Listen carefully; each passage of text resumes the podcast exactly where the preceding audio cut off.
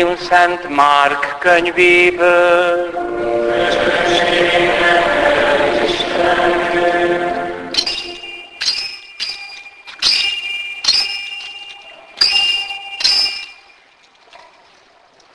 Abban az időben a farizeusok oda mentek Jézushoz és megkérdezték, szabad-e a férnek elbocsátani a feleségét? Próbára akarták ugyanis tenni.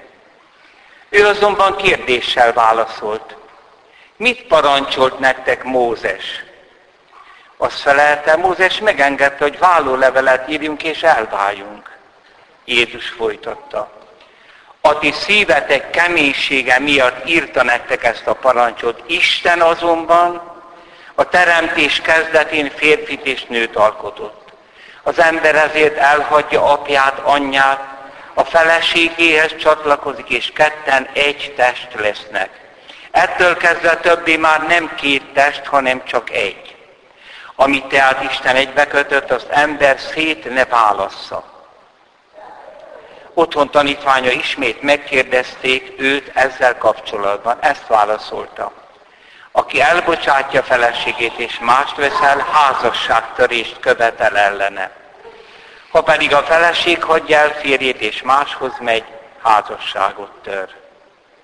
Ez az evangélium igé.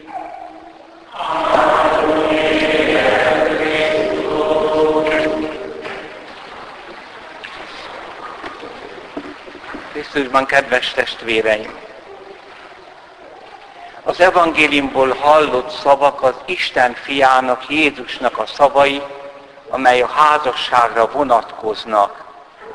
De nem szabad eltekinteni attól az aktualitástól, hogy tegnap és ma Romániában arról folyik a szavazás, hogy a házasság egy férfi és egy nő életkapcsolata. Ezt az egybecsengést nem tudom észre nem venni. Kihagyni meg annyit jelentene, mint hűtlennek lenni pásztori küldetésemhez. Már a múltkori vasárnapokban is egyeseknek problémája adódott. A szavazásnak ez a mostani tárgya nem politikai kérdés. Nem politikai kérdés. Aki erre beszédre ráhúzza, hogy én politizáltam, az logikátlan, nem értett semmit, vagy rossz indulatú. Sőt, ez a kérdés nem kötődik igazában sem a zsidó, sem a keresztény valláshoz, hanem mélyebben kötődik. Ez emberi kérdés. Körülbelül 150 ezer évvel ezelőtt jelent meg az ember a Földön. Mondják az élettan tudósok. Azt is hozzáteszik ma, hogy egy férfitől és egy nőtől származunk, ami nagyon meglepő. Nem sajátosan vallási kérdés, hanem emberi, egyetemes kérdés. Nagyon kérem ezt megfontolni. Félek, hogy nem sikerül a romániai szavazás, nem azért, mert az emberek más gondolnának, hanem mert lusták vagyunk. Elmegy a nagy román liturgiára, meg a katolikus a templomba, utána eszik és lefekszik, és nem szavaz. Nagy baj. Ez nem politika. Kettő, amit szeretnék mondani. A második, senki nem mondja azt, hogy szavazatok lelki ismeretetek szerint, anélkül, hogy elmondaná, hogy mit gondol a lelki ismeretről. Egy ortodox pap sosem mondaná azt, hogy szavazatok kedves hívek a lelki ismeretetek szerint. Csak a vacilláló, nyugali, nyugati globalista filozófiától megfertőzött katolikus és protestáns lelkész képes azt mondani, hogy szavazzatok ebben a kérdésben lelki ismeretetek szerint.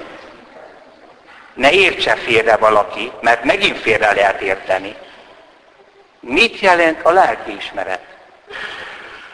Most a könyörgésben mondtuk, Urunk, bocsáss meg mindazt, amivel lelkiismeretünk vádol. Nyugaton már ilyen nincs, nem mennek gyónni. nincs bűn. Átalakították a lelkiismeret fogalmát, előre látó önzés. Nekem így kényelmesebb. Ez nem a lelkiismeret. Itt lett a tragédia a második vatikáni zsinat után. A második vatikáni egyetemes zsinatot a Szentlélek vezette. És amikor azt mondták, hogy mindenki a lelkiismerete szerint döntsön amellett, hogy melyik vallást követi, akkor nagy félreértés következett be, mert a világban már mást értettek lelkiismereten. Az, hogy mi a könnyed, mihez van kedvem, vallások svéd asztalánál csipegetek, nem. Mit mond boldog John Henry Newman? A lelkiismeret az valakinek a hangja bennünk. És nagyon nehezen lehet elnyomni. Sokat kell dolgozni azon, hogy a végén ne halljuk. Van egy Isten fogó készülékünk valahol bennünk. Egész nap azt mondtad, hogy igazad van. Férjeddel, feleségeddel, munkájáddal, mindenkivel. Éjjel csöndben valaki azt mondja, de ki az? És nem is mondja, de tudtod adja. Hazudtál. Pont. Ez egy fölöttem álló valaki. Ez nem én vagyok.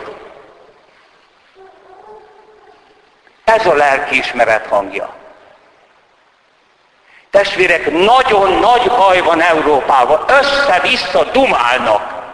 Nem mondják meg, hogy mit értenek egy szón. Hogy a lelkiismeretet szerint szavaz arról, hogy egy férfi és egy nő házassága a házasság. Nem. Ez nincs a lelkiismeretre bízva. Nagy tévedés. Ez egy elrondott közizlés erkölcstelen és beteg társadalomnak a megfertőzett egyedei, de még azok közül is, ha egy fiú, egy lány először tapasztalja a szerelmet, de az igazit, a tisztát, amiben azt mondja, hogy örökké, akkor tudja, hogy ez van. Nem más. És ez olyan kapcsolat, amiből gyerek születhet. Testvérek, vannak olyan kérdések, amelyekre életveszélyes azt mondani, ma, ma, ebben a zavaros világban, hogy szavazz a lelkiismeretet szerint. Mert a lelkiismeretet azonosítják az előre látó büdös nagy önzéssel. Hogy nekem mi a kellemes. A lelkiismeret az Isten hangja bennünk. Ezért imádkoztam írországi katolikusokért, akik megszavazták az abortuszt. Na gratulálok. Mert biztos, hogy a püspökök egy része, meg a papok azt prédikálták, hogy szavazza a lelkiismeretet szerint. Nem igaz. Bevallottan azok a szegény asszonyok, mert nem ők a hibásak legtöbbször, akiket a férje, a család, vagy ez a megrohadt társadalom kötelezte, kikészítette, hogy alávesse magát az abortusnak, 70 év múlva is siratja. Megszólal a hang. Tehát nem lehet a lelkiismeret szerint szavazni arra, hogy megengedette az abortusz, vagy az eutanázia. Kivégezhetjük-e az öregeket, vagy meg van-e engedve, hogy ő magát kivégezze, amikor rosszul érzi magát. Testvérek, nagyon nagy baj van. A szavakat kevertük össze.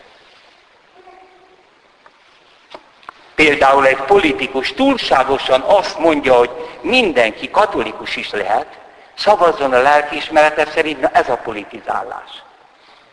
Mert ő bármelle billen majd a szavazhatóság, ő fönn akar maradni, és politikus akar lenni. Mert ő a lelkiismeretre hivatkozott, nem arra hivatkozott. A lelkiismeretre nem hivatkozhat ott, ahol végső emberi dolgokról van szó. Sok-sok dologban a lelkiismeret szerint kell szavazni. Például valaki ezt a gazdaságot jobbnak tartja, mint a másikat, de nézzen utána, nem úgy, hogy lopnak, lopnak, lopnak, hanem tessék utána nézni, hogy ez vagy az a gazdaság jobb-e. Ez a rendelkezés jobb-e a másiknál? Vajon a mostani tanrendszer jobb-e, mint a régi? És akkor te szabad vagy, oda szavazol, amit a lelkiismeret mond, miután informálódtunk testvérek. De az abortusz, az eutanázia, az egy férfi és egy nő házassága, az nem a modern lelkiismereti kérdés, hanem az igazi lelkiismereti kérdés, amely sohasem mondhat mást, mert nem az én hangom, hanem Isten hangja bennem. És ami megdöbbent, hogy egyedül a názáreti Jézus az, akinek minden szava egyezik azzal, amit belül az a hang mond. Amikor karácsonykor azt olvassuk, Krisztus megvilágosít minden a világra jövő embert, nem csak a katolikusokat, meg a keresztényeket, akkor ezzel azt mondja Szent János, hogy Krisztus az a belül szóló hang. Ma nem a kereszténységgel meg az evangéliummal van baj. Az ember elrontotta az emberségét. Mert a pogánt és az ateistát ez a hang készítené föl Krisztusra. Ahogy a zsidót felkészítik a proféták Krisztusra. Jézus az atyával egy lényegű Isten, a teremtő Isten, aki tudja, hogy kezdetben nem így volt. Mózes a kemény szívűségek miatt adott engedményeket bizonyos föltételek mellett. És mit jelent ez a kemény szívűség? Az, amiről beszéltem. Az Ószövetségben a szív az az én. És az emberi én hallja belül azt, hogy mindenféle önigazolás ellenére 14 év után feladja magát Pécset, a gyilkos. Mert nem bírja el ezt a belső hangot. A kemény szívűség azt jelenti, hogy sikerült megkeményíteni magunkat, sok érzékenyítő művészek és nem tudom kik által csinált filmek, előadások, Európa áruló gazember filozófisai megtették, hogy az ember szíve megkeményedjen, és már képtelen le, le, legyen arra, hogy hallja igenis az Isten hangját a szívünk mélyén. És az egyházon kívül és belül is vannak kis mózeskék, akik ilyen meg olyan kedvezményeket adnak, kinek a nevében. Urunk Jézus viszont nem csak arra figyelmeztet, hogy kezdetben nem így volt, hanem egy mélyebb réteget tár fel az Ószövetségi szövegből. Mert az Ószövetségnek a beteljesítője ő, akiről szól minden, hiszen Isten őt akarta kimondani, mint üzenetet. És Szent Pál nagyon megértette Krisztusnak ezt a tanítását, amit az Ószövetségi szövegből hoz ki, amikor ezt írja, férfiak, szeressétek feleségeteket, nem úgy csak, ahogy egy férfi a nőt, hát persze, hogy úgy kell szeretni, nemi vonzalommal, de jobban. Ahogy Krisztus szerette az egyházat, föláldozta magát érte hogy a kerességben az élet igéje által tisztára mosva megszentelje, ragyogó tisztává akarta tenni az egyházat. Így szeresse a férja feleségét, mint saját testét. Aki feleségét szereti, önmagát szereti, hiszen saját testét nem senki sem gyűlöli, hanem táplálja, gondoz, akár csak Krisztus, az egyházat. Tagjai vagyunk ugyanis testének, vagyis csontjából és húsából vagyunk. Vigyázz, Azért itt nem csak Ádám és Éváról van szó, hanem Krisztusról és az egyházról, az újjászületettekről. A katona lándzsája átszakította Jézus mellét, és az oldal bordájából születtünk meg. Kiárasztotta a harmadik isteni szemét, hogy istenségében részt adjon nekünk. Ezért hagyja el az ember apját, anyját, feleséghez ragaszkodik, és a kettő egy test lesz. Nagy titok ez, misztérium. Krisztusra és az egyházra vonatkoztatom. Miben áll tehát ez a végső értelem? Először nézzük a korábbi értelmeket. Nézzük meg előbb az Ószövetségi szöveget. Mi a közös az állatban és az emberben? Az, hogy mind a kettő a földből alkottatott. Meg egy sejt bontakozott ki, élő sejt. Ezt előbb tudta a Szentírás, mint Darwin. Darwin tudományosan akarja bizonyítani, hát bizonyítsa be, akarja, ez tudományos kérdés. Hogy az én testem rokona az első sejtel, ez tudományos kérdés. De én nem vagyok rokona az állatoknak. Az énem nem rokona. Az énem még az apámnak és az anyámnak se rokona. Mert az Isten a fogantatás pillanatában szólítja elő a nem létezésből. Ez a házasság abszolút szentsége. A fogantatás lehetősége. Hogy ott Isten ember teremt. És mi az, ami nem közös az emberben és az állatban? Amit mondtam, a személy. Önmagáról tudó, szabad, önmagára tekintő, szerethető és szeretni képes én. Ez nincs az állatban. Tehát Ádám nem talált hasonlót hozzá. Az állat még csak ilyen szempontból nem is hasonlít. Konrád Lorenzet figyelmezteti, Viktor L. Frankl, vigyázz, ha az embert leképezed az állati síkra, akkor megkapod bele az állatot. Csak hogy az ember nem állat. Kísérletnek jó. Az ember és az állat között szakadék van. Ezt mondja ki a Szentíró, amikor azt mondja, Ádám elé oda vezette az állatokat, itt van. Élj boldogan. Nem, nem ismert hasonló társra. Álmod bocsátott áramra, vigyázzunk, ez egy sajátos héber kifejezés, azt jelenti, hogy elragadtatás, mint a proféták, mint Ezekiel. Mert amikor Isten valami nagyot alkot, akkornak az ember nem lehet a szemtanúja. A világ teremtésének nem voltunk a szemtanúja. Amikor megkeresztelünk egy gyereket, és beleárad az isteni élet, Jézus új, isteni örök, pusztíthatatlan, szent háromságos élete, az isteni természet részesévé lesz az a kicsi, azt se látjuk. Tehát itt van valami isteni cselekvés. És akkor olyan szépen fejti ki, hogy oldalbordába való vagyis, hogy rokonok. Nagyon távoli rokonok. Azt mondja Ádám, csonta csontomból, húsa húsomból. Második Sámuel 5 egyben azt olvassuk. Izraelnek összes törzse elment Dávidhoz, Hebronba, és azt mondták neki, nézd, csontod és húsod vagyunk. Vagyis mit jelent? Rokonok vagyunk.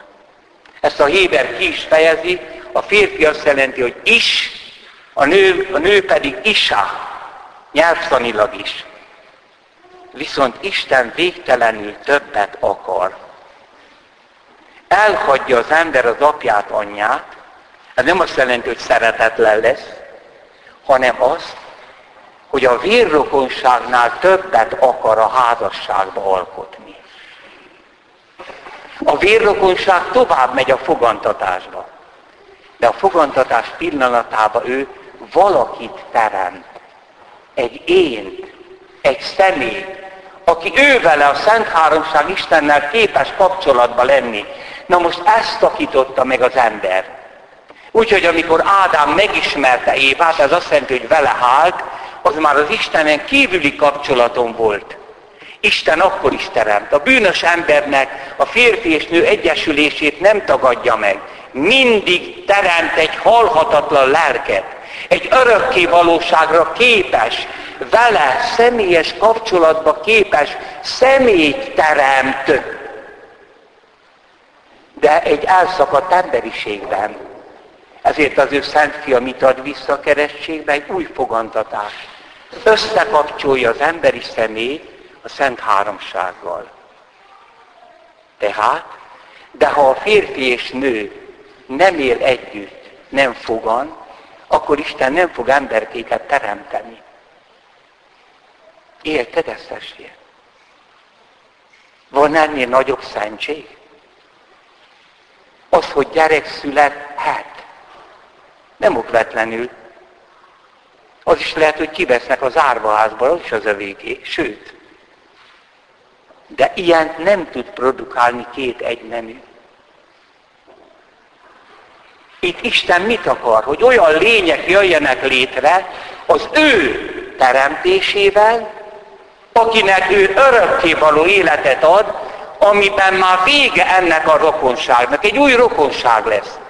Ezért, amikor szüzanyát oda viszik az, az Jézushoz, hogy itt van anyád, és itt vannak a rokonok. Kik az én anyám, és kik az én rokonaim? Akik megteszik atyám akaratát. Máriát ezzel nem nézi le, hiszen ő az előre megváltott. Egy új rokonság van.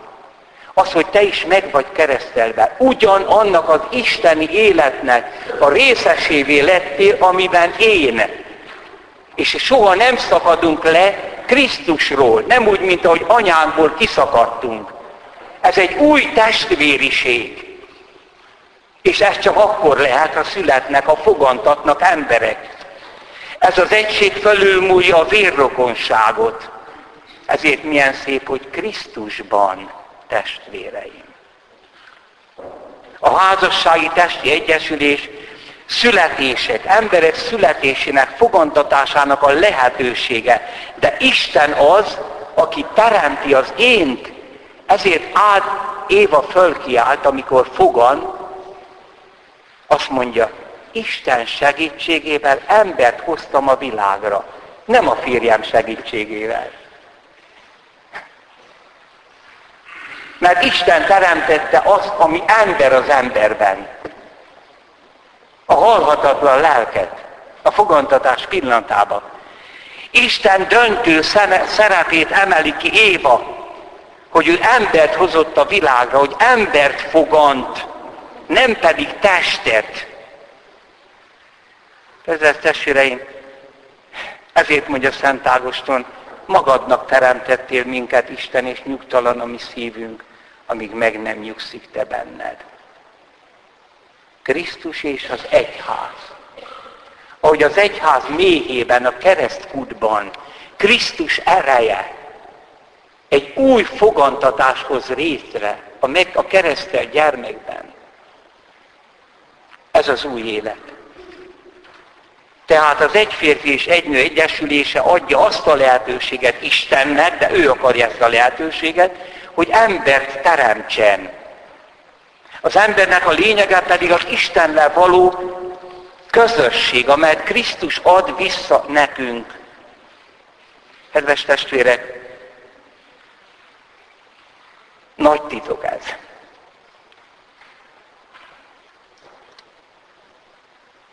Ez nem vicc. Ez nem malackodásra szánt téma. Ez a legnagyobb szentség. Ez nem keresztény téma. Csak annyiban keresztény, ugyanaz a Teremtő Isten alkotta, aki elküldte Krisztust. Ez nem lelkiismereti kérdés, ahogy ma felfogják a lelkiismeretet, hanem az igazi lelkiismeret kérdése, amely arra az Istenre hallgat, amely felülmúlja a mózesi régi és modern engedményeket. Összefoglalva, ennek a szavazásnak tárgya nem vallási kérdés, hanem emberi kérdés. Ezért nem a félreértett lelkiismeret, vagyis az erkölcsi ízlés, illetve elrontott ízléstelenség szerint szabad szavazni, hanem a belső hangra hallgatva Az Úr Jézus az a belső hang, akit megismertünk, és ő tudja, hogy kezdetben nem így volt, ahogy most van. És ő hozza ki az ószövetségi kinyilatkoztatás mélységes értelmét is, hogy Isten a házasságban fogant, és az által abban a pillanatban teremtett embereket egy új vérrokonságra hívja, amely részesedés Krisztus által az örök isteni természetben. Amen. Testvérek, minden predikáció meghallgatható, nem kell félreérteni, újra meg lehet hallgatni, Sümegi Ferencesek honlapján. Hiszek az egy Istenben, minden hatólatában, mennek és földnek, minden láthatónak és láthatónak